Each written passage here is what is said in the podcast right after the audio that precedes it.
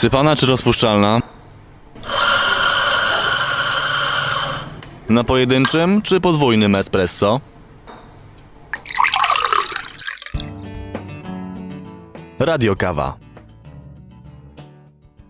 Dzień dobry, słuchacie audycji Radio Kawa, a przed mikrofonem jest Olga Wałecka i Katarzyna Gałan.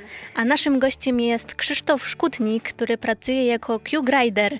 No właśnie, statystyczny Polak częściej pije raczej kawę niż wino, jednak więcej z nich zdaje sobie sprawę, kim jest sommelier, ale nie wie, kto to Q-Grider. No właśnie, Krzysztof, na czym polega to zajęcie?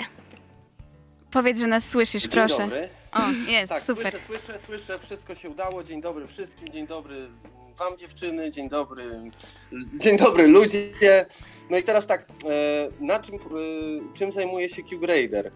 Bo tak, e, znaczy twoja wypowiedź, a w zasadzie twoje pytanie sugerowało, że Q-Grader jest niejako zawodem. A tutaj no, e, no nie mogę się z tym zgodzić, bo Q-Grader, no musimy sobie to uporządkować. Q-Grader to jest po prostu osoba, która jest e, certyfikowana przez Coffee Quality Institute e, z siedzibą w Kalifornii i po prostu tacy ludzie jak ja, Q-graderzy, mogą robić różne zajęcia, w sensie wykonywać, czyli być palaczami, być, nie wiem, na przykład green coffee bayerami, czyli osobami, które kupują zielone ziarno, mogą no, prowadzić rozmaite konsultacje, a ten e, certyfikat, no to on świadczy tylko o tym, że jesteśmy w wąskiej grupie. Nie wiem, czy kilku tysięcy osób, czy kilkudziesięciu tysięcy osób, e, osób skalibrowanych, czyli po prostu, że e, przeszliśmy wieloetapowe szkolenie i wieloetapowy egzamin, który no, stwierdza w, w zasadzie to, że go zdaliśmy, udowadnia, że umiemy rozróżniać różne rodzaje kwasowości, że umiemy rozróżniać chyba 36 aromatów, że radzimy sobie z czymś takim jak triangulacja, czyli taką no, metodą, w której powiedzmy dwie filiżanki, stoją trzy filiżanki na stole, dwie filiżanki są takie same, a trzecia jest inna, czyli po prostu umiemy rozró- rozróżniać y, te różnice pomiędzy poszczególnymi kawami i tak naprawdę no to jest po prostu certyfikat. Bardzo taki no prestiżowy powiedziałbym, ale certyfikat. Natomiast no, to, co dany Q-Grader robi, wiadomo, jak ja dostałem, y, otrzymałem certyfikat swój i właściwie taka jest y, no, założenie i idea Q-Gradera, jak dostałem swój certyfikat, pierwszy, bo w tym momencie już jestem no, po odnowieniu, bo to z racji tego, że to jest ocena organoleptyczna, no to trzeba po prostu kalibrować się co 3 lata, czyli e, co 3 lata powtarzać może nie wszystkie egzaminy, ale przynajmniej e, przynajmniej jeden, czyli cupping, czyli właśnie ocenę organoleptyczną kaw, które e, są przygotowane. No i po prostu yy, Q-Grader może, może robić tak naprawdę no, no, no wiele rzeczy. No, może być, ja na przykład, jeżeli pytasz o to, czym ja się zajmuję, Tak, chciałam zapytać, na co u ciebie się przełożył właśnie to, ten certyfikat. No to ja się zajmuję szeroko pojętą oceną sensoryczną, tak naprawdę. Czyli yy, co robi taka, taka osoba, którą. Aha, przepraszam, bo nie wspomniałem o tym, że dostałem, jak dostałem certyfikat, to dostałem taką informację od Coffee Quality Institute, że teraz już mogę yy, zacząć yy, kontaktować się z lokalnymi farmerami i stacjami myjącymi celem rozpoczęcia współpracy, bo po to właśnie.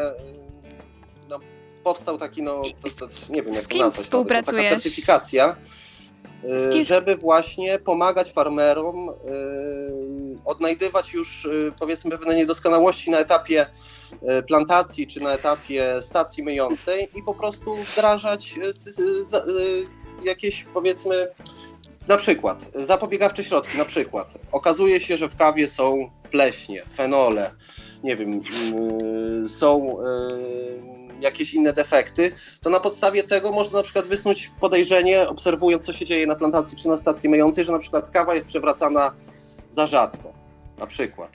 I po to w zasadzie yy, no ten, te- ta certyfikacja została stworzona, żeby właśnie tacy ludzie jak ja pomagali podnosić yy, jakość kawy na całym świecie, bo w ogóle kwintesencją Q-gradingu jest tak, napra- tak naprawdę Q-grade, czyli ten certyfikat, który przyznaje się kawą i to jest wieloetapowa certyfikacja i każdy z farmerów czy tam z osób, które zakupiły daną partię kawy może wystąpić o certyfikowanie danej partii. No jeżeli faktycznie ta, ta partia przejdzie trzyetapową taką trzyetapową certyfikację, no to dostaje, to, to dostaje e, ta kawa taki znaczek Q-grade, czyli że to jest kawa jakości specialty, czyli że to jest kawa, która jako zielona nie ma defektów pierwszego rzędu, jako palona nie ma quakerów, czyli jaśniejszych ziaren i jako e, i w swoim profilu sensorycznym, czy raczej suma punktów e, z poszczególnych em, no, wyróżników czy deskryptorów jest powyżej 80 punktów, czyli 80%, czyli ocena organoleptyczna tej kawy jest powyżej 80%. I to wtedy taka kawa dostaje certyfikat Q-Grade i to jest kwintesencja właśnie Q-gradingu, że się, że, się tak, że się tak wyrażę. No a czym ja się zajmuję? No ja po prostu tak naprawdę no, zajmuję się paleniem kawy, zajmuję się konsultacjami, w palarniach, zajmuję się mm, doradztwem.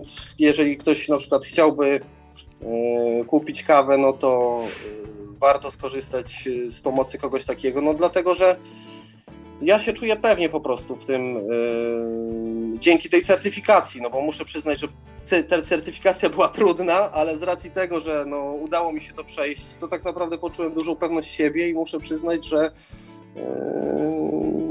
no jest to po pierwsze bardzo ciekawe zajęcie, a po drugie y, można bardzo wielu fajnych ludzi poznać i bardzo do, dużo dobrych kaw spróbować dzięki temu tej certyfikacji. No bo właśnie ludzie, którzy chcą kupić kawę, no, dzisiejszych czasach no, często no, zgłaszają się do mnie czy do moich kolegów, e, żeby oni po prostu pomogli znaleźć surowiec, który odpowiada e, jakością, ich oczekiwaniom. I tutaj no, jakością, mając na myśli jakość, no to, to wiadomo, że może być to jedni oczekują bardzo wysokiej jakości, w sensie kaw bardzo drogich i bardzo takich selekcjonowanych, a inni z kolei no, mają inne potrzeby.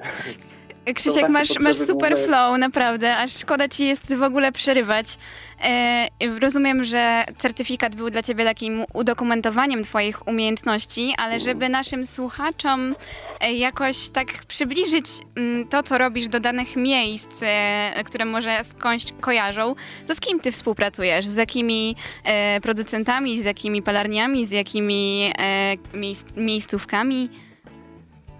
Znaczy, no jeżeli chodzi o miejscówki, jak to ładnie powiedziałaś, no to w tym momencie no to współpracuję chyba tylko z Hecą i z CapCapem w jakimś tam e, stopniu. No ale wiadomo, jest taki okres, jaki jest. Natomiast no, jeżeli chodzi o kawiarnie lubelskie, to współpracowałem chyba z, no, ze wszystkimi na pewno nie, no ale z większością to na 100%.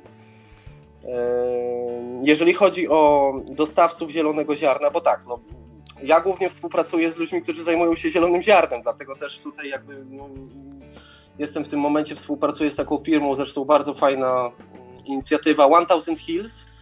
To jest importer kawy zielonej z Ruandy. Miałem przyjemność być na plantacji w Ruandzie, na zorganizowanym przez nich takim wyjeździe.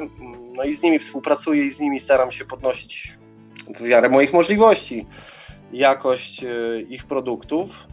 No plus do tego jeszcze powiedzmy jest kilka palarni, z którymi, z którymi współpracuję, natomiast nie są to palarnie y, lubelskie. Nie wiem nawet, no, współpracowałem z taką palarnią jak y, Coffee Lab w tym momencie to się nazywa, jak y, Etno Cafe, tam prowadziłem projekt w Rosters, jak na przykład y, taka y, firma była kiedyś, teraz się to nazywa Coffee and Sons, a swoją drogą to pewnie no z nimi też myślę, że no, kreuje się jakaś tutaj pole do współpracy i, i jesteśmy, powiedzmy, no, finalizujemy mm, ostatnie ustalenia i myślę, że też będzie jakiś fajny projekt. No plus jeszcze wiele, wiele, wiele innych firm, takich jak na przykład, nie wiem, Hardwins y, z Opola, z nimi współpracuję, to jest palarnia kawy Specialty, z nimi współpracuję w też ciekawym projekcie dotyczącym y, wpływu i warunków przechowywania kawy zielonej na y, profil sensoryczny, czyli no tak mówiąc prościej, czy tam bardziej tak sensownie dla, może dla normalnych ludzi, to po jakim czasie w różnych warunkach kawa się zepsuje, w sensie będzie gorzej smakowała.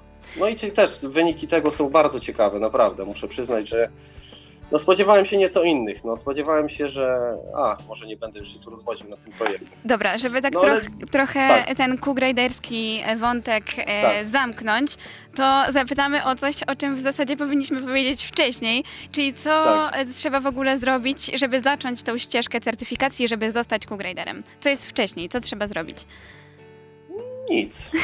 tak naprawdę, żeby zacząć y, ścieżkę. Słuchajcie, żeby zacząć ścieżkę, zostać Q-graderem, to trzeba uzbierać nie wiem ile tam, chyba 10 tysięcy czy 14 tysięcy złotych, znaleźć kurs, zapisać się, wziąć udział w kursie, wziąć udział w egzaminie i jest się Q-graderem. Natomiast rozumiem, że chodzi ci o to po prostu, że ja uważam, że no taka droga y, bezpośrednio iść na kurs, no to nie jest to... Trzeba mieć y, jakąś wtedy pasję w tym wszystkim, prawda? na, na, Ty- Nawet nie chodzi o to, żeby mieć pasję, bo znam wielu Q-graderów, którzy to robią. ym, No bo po prostu jest to zawód, który gdzieś tam rozpoczęli i ta pasja może już w nich nawet y, Umarła? Nie, nie ma takiego żaru jak, no tak, nie ma takiego żaru jak na początku, ale no niewątpliwie, niewątpliwie ważne jest to, żeby właśnie ym, popróbować trochę kaw, zobaczyć na początku, pojeździć po palarniach, yy, bo tak naprawdę najprościej to jest kupować różne kawy i po prostu je oceniać, no bo yy, podstawą oceny organoleptycznej czy sensorycznej jest no, odpowiednio skalibrowany, czyli właśnie yy, no, od- odpowiednio skalibrowany, Boże, jak to powiedzieć, no język, Język, no, smak, czyli, tak. Ca, tak, tak, tylko chciałem ładniejszego Kubki smakowe, e, No tak, tak, receptory. paleta, no to też można tak nazywać, tak, tak, tak, tak. To wszystko y, musi być skalibrowane, a żeby było to skalibrowane, to, y, to trzeba mieć jakieś pojęcie, a żeby mieć pojęcie, o czym się mówi, no to trzeba mieć bazę danych, a żeby mieć bazę danych, czyli jak poszczególne kawy mogą smakować i co w nich możemy spotkać i z dobrych y, aspektów i z tych gorszych aspektów, to trzeba po prostu swoje wypić. I to jest, i to jest bo myślę, że osoba, która by poszła po prostu jako z ulicy na kurs Q-Gradera, no poczułaby się tam mocno przytłoczona tym, co, co tam się dzieje, dlatego że tam y, no po prostu y, wchodzi się na głęboką wodę, czyli tam już nikt nie pyta, czy wiesz, y, jak się to robi, tylko po prostu zaczynamy to robić. I, y, i myślę, że dobrym pomysłem byłoby, jeżeli ktoś faktycznie o tym myśli, no, żeby zostać Q-Graderem, chociaż jeśli mam być szczery, to zostanie Q-Graderem w Polsce mm, no, ma sens w sytuacji, w której y, ma się jakiś plan na siebie, czyli na przykład chcę sprowadzać kawę zieloną z Brazylii, albo chcę y, właśnie, nie wiem, otworzyć firmę, która będzie konsultowała mm, kup, y, palarnie i pomagała im w doborze kawy, bo tak naprawdę właśnie tak jak wspomniałem wcześniej, Q-Grader jest osobą, która została, no jej ten, ten, ten, ten wachlarz umiejętności, ta kalibracja, no najbardziej może pomóc właśnie farmerom, no bo y, czy osobom, które bezpośrednio zajmują się y, handlem kawą zieloną, no bo I tutaj może w tym momencie postawimy pauzę, a za chwilę dobrze. powiemy więcej i po, powiemy też, jak Dobrze. wygląda może sam proces oceny kawy. Mm, zap- Zapraszamy po chwili muzyki. Słuchajcie Radio Kawy, przed mikrofonem Katarzyna Gałan i Olga Wałęcka, a razem z nami jest też Krzysztof Szkutnik. Rozmawialiśmy o Twoim zawodzie, a teraz e, chciałybyśmy, żebyś powiedział nam trochę o samym procesie e, oceny ziaren kawy. E, Co decyduje o tym, czy one są e, speciality?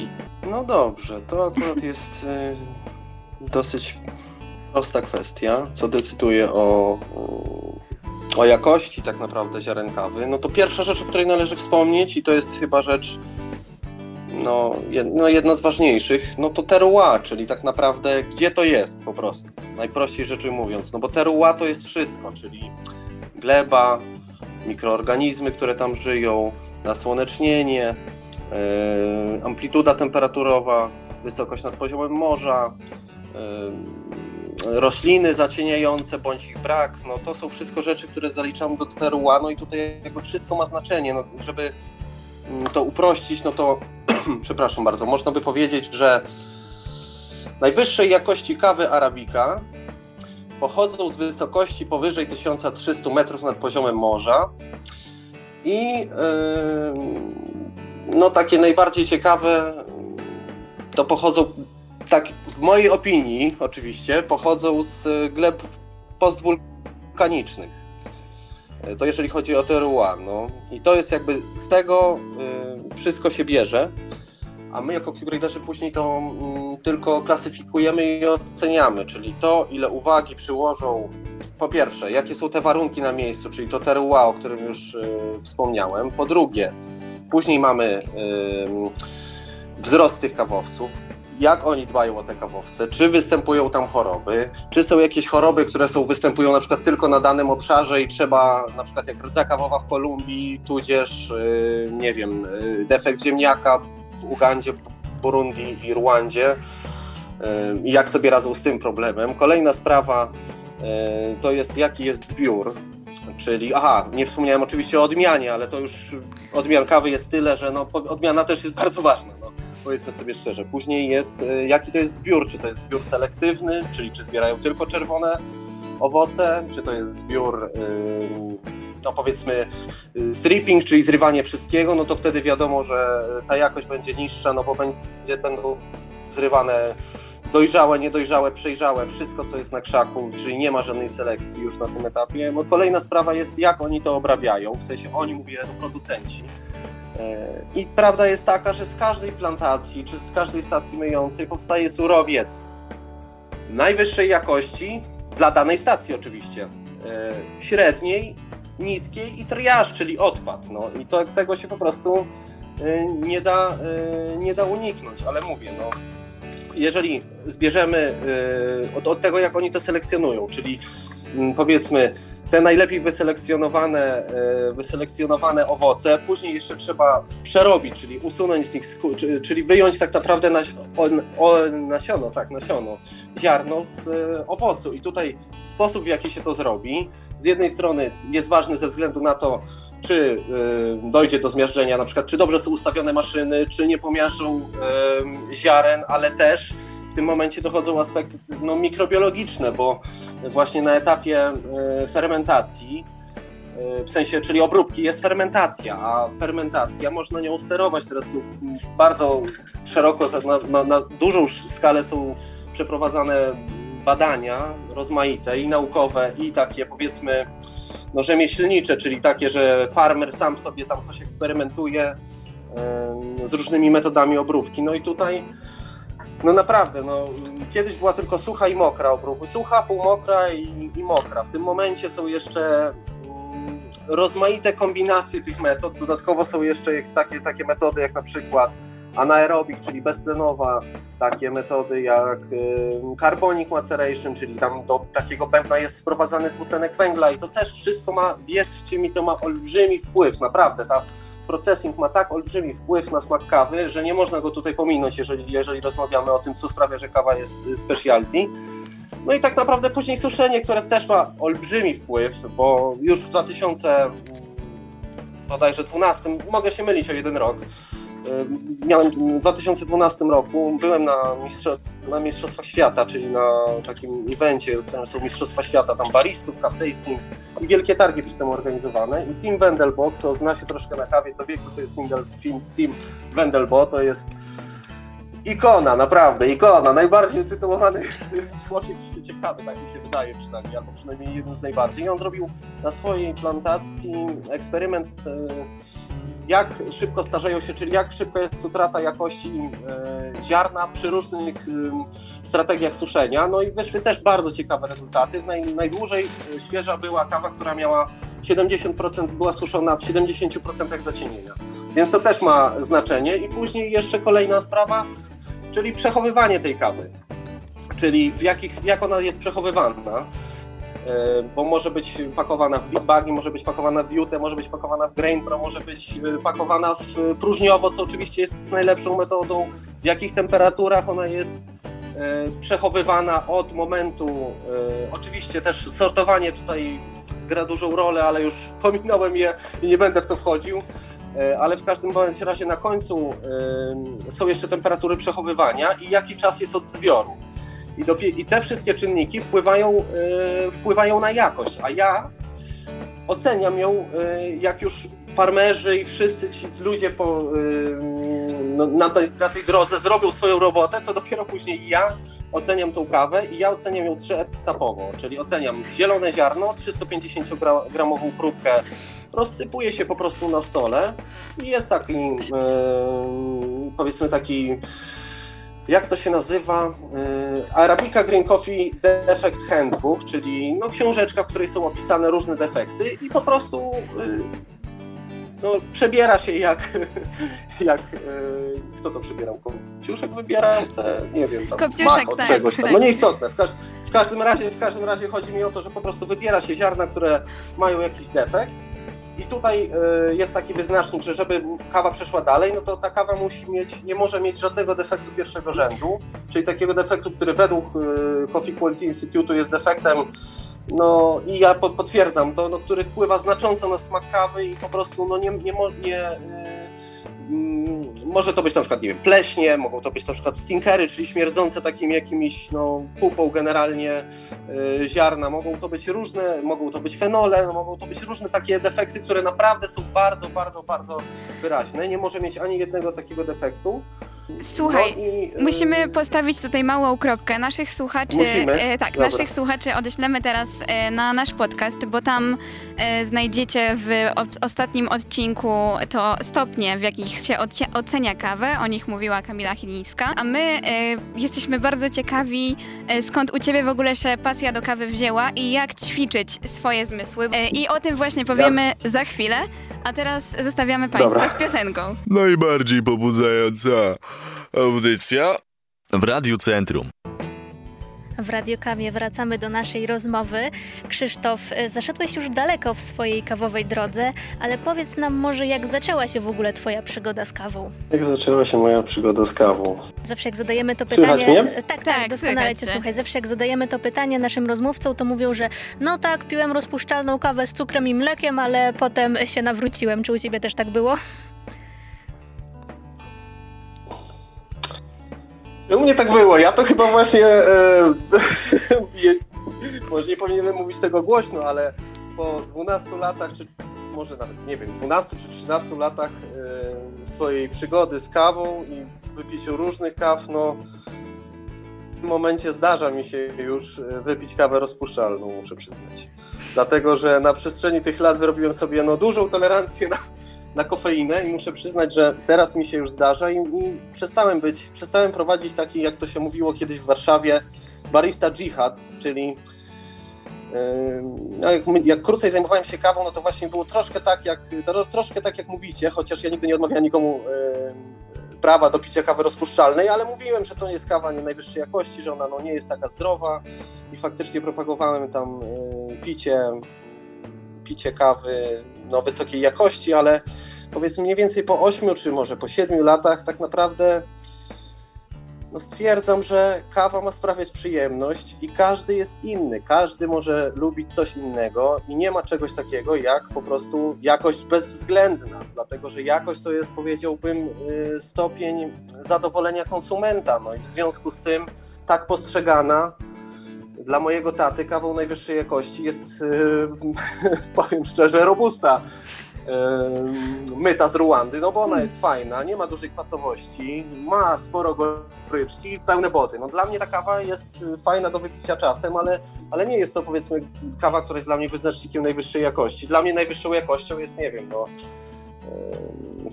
nie wiem, Kenia, mm, SL20 8 albo nie wiem, albo Panama Geisha, albo jeszcze jakaś inna kawa, bo ja czego innego y, poszukuję, więc no tak, było troszkę tak, że piłem, tylko że ja mm, nie piłem dużo kawy rozpuszczalnej, ale piłem dużo kawy y, niższej jakości, w sensie takiej no marketowej po prostu i traktowałem ją jako stymulant, a zaczęło się to tak, że studiowałem chemię na Uniwersytecie Wrocławskim dawno temu, I e, po prostu czytałem sobie tam różne artykuły popularno-naukowe, naukowe i znalazłem mm, taki artykuł jak Chemia, er, Chemia Espresso Ernesto Iliego, chyba Ernesto, bo było ich dwóch, dziadek i syn, obaj doktorzy chemii, obaj się doktoryzowali właśnie na chemii espresso i chemii kawy.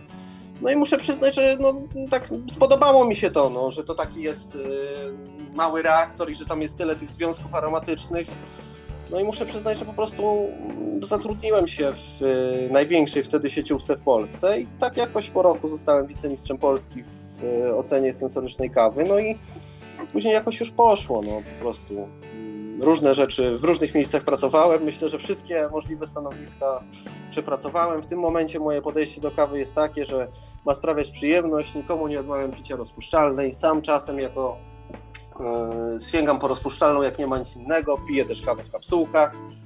E, może nie e, z miłością, ale widzę już teraz po tylu latach, że jest też dla niej zastosowanie i jest też y, powiedzmy segment rynku, który oczekuje właśnie takiej kawy. W Twojej pracy bardzo liczą się zmysły i moje pytanie jest takie, czy trzeba mieć jakiś szczególny talent, jakieś wyostrzone te zmysły węchu czy, czy smaku, czy da się to wyćwiczyć? Oczywiście tak. Czy trzeba mieć wyostrzone? Lepiej nie mieć. Też tak kiedyś myślałem, że bo tak potoczne jest yy, takie, taka opinia, że po prostu, że taki Q-grader czy taka osoba oceniająca kawę, no musi mieć zmysły wyczulone jak, nie wiem, jak owczarek yy, niemiecki. Yy, I prawda jest taka, że powiedzmy jest 25% yy, takich osób, które są super testerami, i one faktycznie są bardzo wrażliwe. Yy, I one są faktycznie bardzo wrażliwe, natomiast yy, w kawie to przeszkadza, dlatego że one wtedy bardzo mocno wyczuwają. Osoby, które są super testerami, unikają takich rzeczy jak czekolada, gorzkie kakao, yy, kawa, piwo o wysokim IBU, czyli goryczka jest dla nich nie do wytrzymania. Dlatego jak pytasz mnie, czy właśnie powinna być to osoba, powinna mieć wyostrzone zmysły, ale powiedzmy ci super testerzy jakoś tak e, omijają kawę szerokim łukiem, bo jest dla nich po prostu e, za gorzka. Czy da się to ćwiczyć? Oczywiście. Kto może oceniać kawę na poziomie takim profesjonalnym? Myślę, że 60-70% społeczeństwa. Jak... Czyli cały ten środek, czyli cały ten środek, który jest powiedzmy no przeciętny, no bo, bo tak naprawdę takie, takie ćwiczenie polega na tym, że to robimy sobie na przykład roztwory kwasu o coraz mniejszym stężeniu i sprawdzamy, gdzie my, dokąd my będziemy w stanie to wyczuć. I po pewnym czasie ta granica się przesuwa, czyli jesteśmy w stanie to y, po prostu doskonalić. I y, no, w pracy każdego tester, każdy tester ma swoje y, niedoskonałości, w sensie takim, że jak ja przeszedłem taki profesjonalny, bo QGrader to nie jest jedyna certyfikacja, którą sobie zrobiłem, tylko y, y, mam jeszcze inne certyfikacje. Właśnie, powiedz, y, powiedz tak. czy ty nadal jesteś sędzią podczas Mistrzostw Polski w Aeropresie? Mm, to jest taka... Czy to jest już nie, za tobą? To, to, to, gdyby... Tu zawsze organizator zaprasza sędziów. W 2012 roku byłem sędzią, bo akurat mieszkałem wtedy w Warszawie i powiedzmy, no... Ja pracowałem w Ministerstwie Kawy, a w Ministerstwie Kawy były organizowane zawody. No i generalnie do sędziowania gdzieś tam cały czas jestem y, zapraszany, ale ta y, sędziowanie w Aeropresie nie jest uregulowane formalnie, czyli tam w ogóle tam jest inna formuła, tam to jest bardziej takie luźne zawody, no nie? Czyli tam po prostu organizator może zaprosić każdego z sędziów i nie trzeba tam mówić, że ta kawa mi bardziej smakuje, bo ma lepszy, lepiej zbudowaną kwasowość, a ta ma gorsze wody. Nie trzeba tak, tego rozróżniać jak na przykład na zawodach barista, czy na różnych innych, y, na przykład na Brewers Cup. Nie na Brewers Cup, y, tak, na Brewers Cup E, no tego nie trzeba, e, nie trzeba e, tak rozróżniać, tylko tam jest po prostu proste. Tam mi smakuje bardziej, tam mi mniej smakuje. Także tam sędziowanie w Aeropresie jest takie, no luźne bym powiedział. Tam po prostu liczy się tylko co mi bardziej smakuje. Nie ma tam, nie ma tam potrzeby kalibracji. I, Specjalnie do tego no. nawiązałam, bo o Aeropresie będziemy zaraz rozmawiać i w poradniku młodego kawiarza, a tobie już Aha. dziękujemy. Mam nadzieję, Dziękuję że bardzo. udało y, nam się razem z Tobą przybliżyć naszym słuchaczom, na czym polega ta praca Q Gradera. I nie tylko. Y, dziękujemy Ci bardzo. Poradnik młodego kawiarza. Wspomniany Areopress. W poprzednim odcinku obiecałyśmy, że powiemy Wam o nim nieco więcej i dziś nadszedł ten dzień. Zapraszamy na poradnik młodego kawiarza. Aeropress to jedna z najmłodszych alternatywnych metod parzenia kawy. W sumie to nie jedna z, ale po prostu najmłodsza. Wynaleziono go w 2005 roku w USA przez producenta zabawek Adama Adlera, a więc ma dopiero 15 lat. W porównaniu do innych metod jest naprawdę bardzo młoda.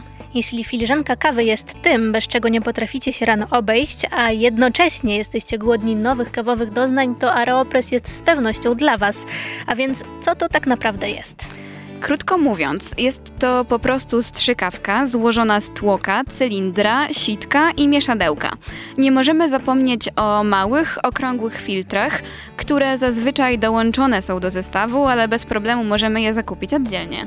Aeropress jest połączeniem trzech sposobów parzenia kawy. Metody przelewowej, czyli takiej jak drip, drip czy Chemex, tradycyjnego ekspresu i zaparzacza do kawy, czyli French pressu. Jest to chyba jedno z najprostszych w użyciu urządzeń, dzięki któremu będziemy w stanie przygotować naprawdę świetną kawę w domowym zaciszu. A co więcej, dzięki jego trwałości i niewielkich rozmiarach możesz go ze sobą zabrać na wyjazd służbowy czy rekreacyjną wycieczkę. Kró- krótko mówiąc, tak naprawdę wszędzie. E, Nie bez powodu nazywamy to urządzenie strzykawką, bo działa na bardzo podobnej zasadzie. Zmieloną wcześniej kawę zalewamy wodą, a następnie pod ciśnieniem przeciskamy przez papierowy lub metalowy filtr, usuwając przy tym fusy. No dobrze, teraz rodzi się pytanie, jaka kawa będzie najlepsza do aeropresu? Oczywiście najlepiej, żeby była to świeżo zmielona przed zaparzeniem. Bardzo często stosuje się kawy jasnopalone z segmentu speciality, jednak nie jest to żelazna reguła.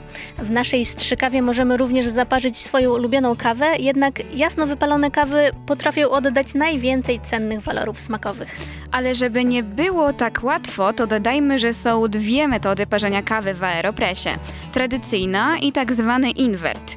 Najciekawsze w tym wszystkim jest to, że nie ma jednego określonego przepisu na stworzenie dobrego naparu. O to właśnie chodzi w Aeropresie. O samą zabawę i przygotowywanie tej kawy. W zależności od tego, jak grubo zmielimy ziarna, taką temp- jaką temperaturą wody ją zalejemy i jak długo będziemy przeciskać tłokiem przez sitko, wyjdzie nam zupełnie inny napar. Prostota działania zupełnie w niczym nas nie ogranicza, a więc możemy puścić wodze fantazji i dzięki naszej inwencji twórczej cieszyć się wspaniałym smakiem i zapachem kawy. Niestety czas nas trochę goni, dzięki za bycie tu z nami, a myślę, że o Aeropresie jeszcze sobie nieraz pogadamy. Za przygotowanie poradnika dziękujemy Kamili Chylińskiej, którą już wkrótce usłyszycie z powrotem. Michałowi Zbytniewskiemu dziękujemy za realizację. Przez ostatnią godzinę były z Wami Olga Wałęcka i Katarzyna Gałan. Do usłyszenia i smacznej kawy!